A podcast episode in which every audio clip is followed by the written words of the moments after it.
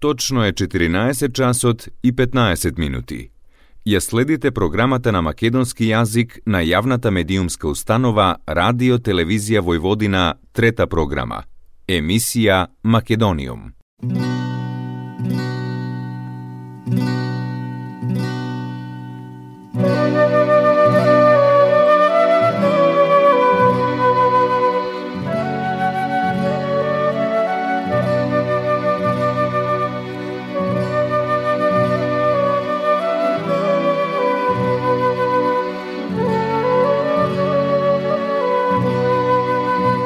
Македониум.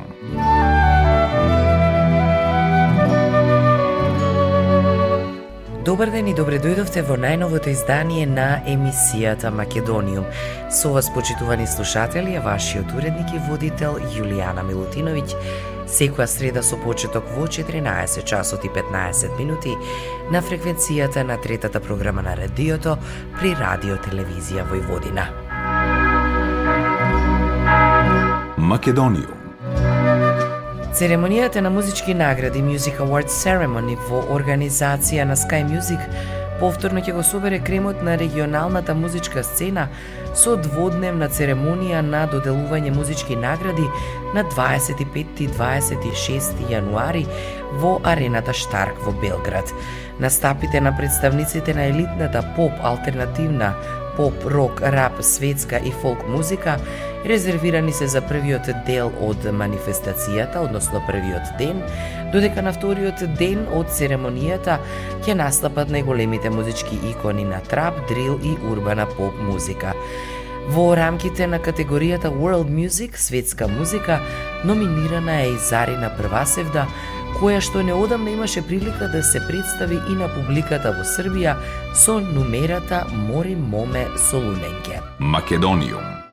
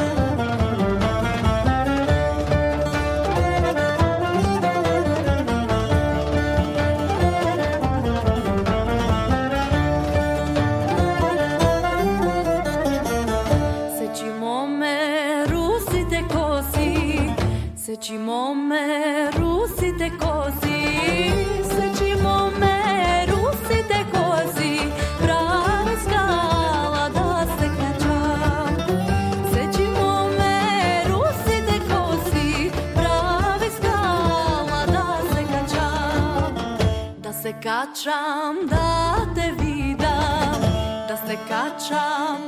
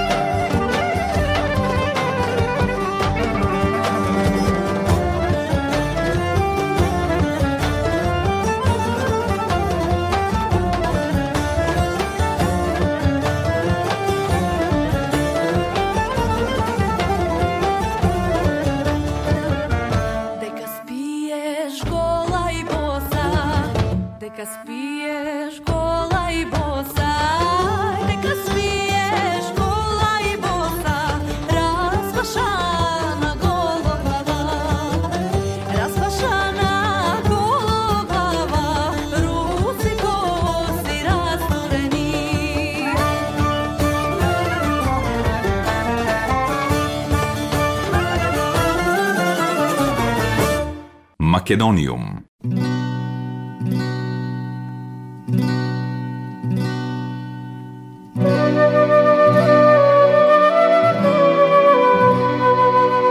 Мене ми е особено задоволство и чест да што денеска во емисијата Македониум ја имам токму за гостинка Евгенија Здравевска или во јавноста позната како Зарина Првасевда, која што инаку стана препознатлива по незините мини настапи низ планинските врвови. Таму, како што прочита во едно интервју, таа вели ја нашла сплотеноста на двете суштински работи што со години се дел од неа музиката и природата. Низ планините одекнува незиниот глас. Јас имав прилика да слушнам неколку видеа како тоа звучи, а пред само неколку денови уживав некаде повеќе од два часа а, во концертот кој што Зарина Првасевда минатата година го одржа во Македонската филхармонија во Скопје во месец април на вистина прекрасно изненадување за мене лично и денеска имам особена чест што зборувам токму со Евгенија. Евгенија, добре дојдовте во Македониум. На самиот старт со прашањата да започнам, односно со првото прашање на нашите слушатели да им се каже која е Зарина Првасевда. Хм, Зарина Првасевда е едно девојче од Демирхисар, кое што е едно палаво и растрчано, е едно девојче кое е што од своја најмала возраст сакаше да ги слуша бабите додека пеат, додека нижиме тутун или правиме некакви домашни активности. За во со склоп на околности таа Евгенија Малечката во еден момент да стане една приказна која се вика Зарина Првасен, за која што на некој начин а, а, го обликуваше тоа едно детство во обидување канал на традиционална музика, односно на музика која не често имаме прилика и можност да ја слушаме, односно некои од нас, посебно во мојата генерација, просто веќе немаме допир со таа музика. Македониум. Кажете ми, од кога почнавте да се занимавате професионално со пеење? Имате ли некој идол кога бевте дете? Па како што кажав, со музика се бавам од како знам за себе. Подочно во почетоците прво почнав да пеам во фолклорно друштво во Демирхица, понатаму се истражував и во други стилови на пеење, па во еден момент неколку месеци бев дел од националниот ансамбл Танец, каде влегов во една аудиција на која што сосема случајно поминав. и таму на некој начин се зацврсти мојата љубов кон традиционалната музика и се зацврсти оној став дека традиционалната музика е нешто што е мое лично обележје и нешто во кое што јас најмногу можам да бидам јас. Um, професионално не знам што значи, но никогаш не сум не сум земала некакви часови, ниту пак сум се школувала некако, се што знаме е преку приказни, буквално од колено на колено, преслушувани песни, слушам и истражувам од некакви архиви и така натаму. Кога бев малечка, да, имав идол, идол ми беше Вања Лазарова. И тоа не се промени до денов денешен и се уште имам многу работа за да можам да и се приближам на Вања Лазарова било како. Македониум. А зошто толку традиционална музика?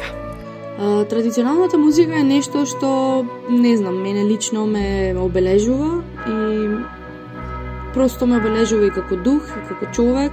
Јас сум девојче кое се уште сака да јади некакви прости манџи од пиперки и прас,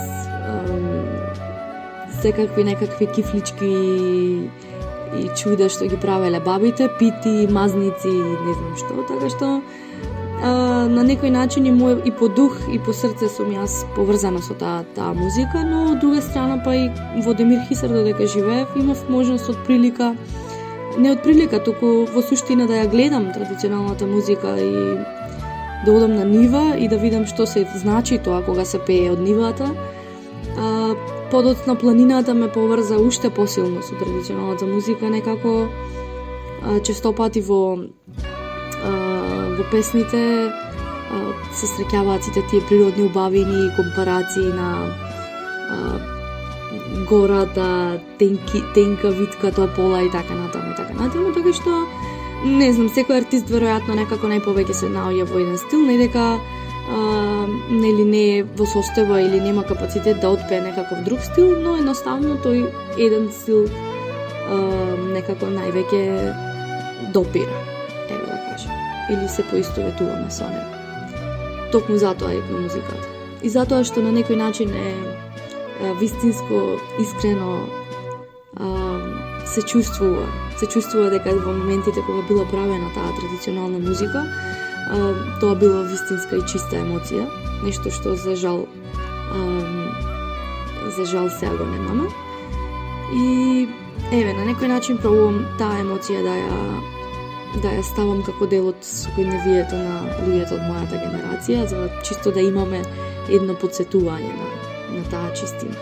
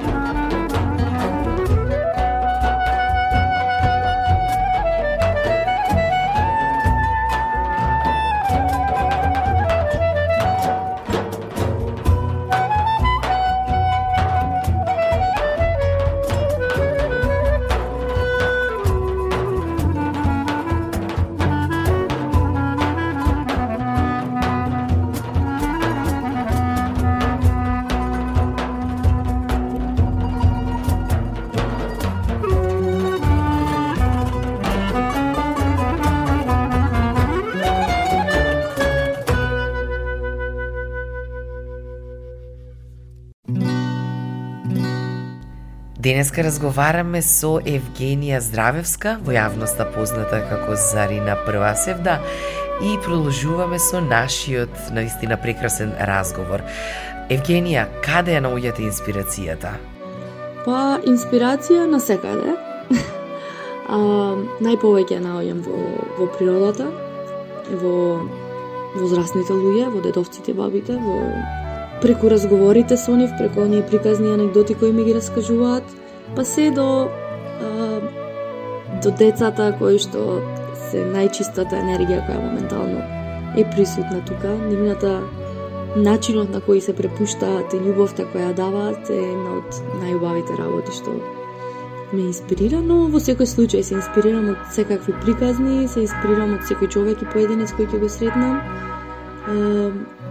Така што инспирацијата на секаде за оној кој што сака да ја види, не би можела да да кажам дека конкретно едно нешто е тоа што ме инспирира. Македониум Вашиот прв албум Ехо излезе минатата година. Со кого соработувавте на него и дали од албумот би издвоиле песна која ви е особено драга? Да, мојот прв албум Ехо а, го доби името Ехо символично а, символично за она ехо која што со кој што Зарина Првасев да започна својата приказна на планината, односно она ехо која што на крајот на денот е ехото на мојата душа. Излезе минатата година и излезе преку издавачката издавачката куќа Кроација Рекордс. имав шанса и прилика да соработувам со едни прекрасни музичари, со професионалци, со луѓе под кои што многу учев и се уште учам. А, така што Александар Петров е а, одговорен за повеќето од аранжманите на албумот, на кого што бескрајно сум благодарна.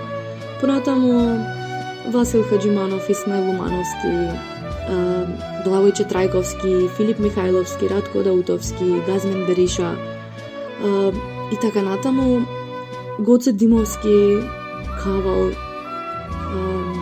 не се сеќавам, може би некого ќе заборавам, нека не ми се налутат, но генерално сите тие луѓе се луѓе од кои навистина може, од кои навистина се се извор за да се учи и така натаму. А што се однесува до која песна ми е посебно драга, сите прсти на раката болат исто, така што не би можела да издвојам некоја посебно. сметам дека ова е еден вид на збирка на песни со кои што за прв пат се среднав, кои што а, ме нурнаа покрај да пеам на македонскиот јазик, на мојот мајчин јазик, да пеам и на јазици кои што не се мои, односно да им одпеам по неколку стиха на луѓето со кои што секојдневно имам можност и прилика да го делам секојдневието, кои што не се од моето говорно подрачје, односно албумот е испеан на пет јазика, српски, бугарски, албански, турски и македонски. Имаме опфатено песна која што која што е торбешка, тоа се македонски муслимани. А, така што а, не знам, со овој албум се обраќам и ги прегрнувам сите луѓе на кои што буквално овој албум во вакво пакување им е потребен. И се радувам дека тоа ехо патува така како што патува, се радувам дека добивам дека добивам одлични критики, еве на крајот денот дека и вие ме најдовте преку ехото кое ви го испратив. Македониум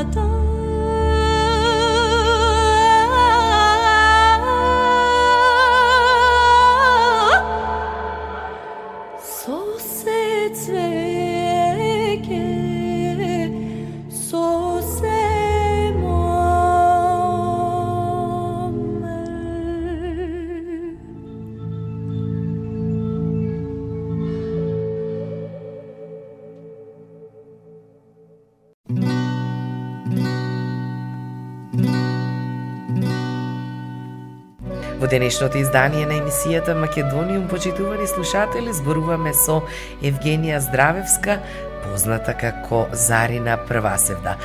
Евгенија, кажете ми, колку помладата популација сака да слуша традиционална музика?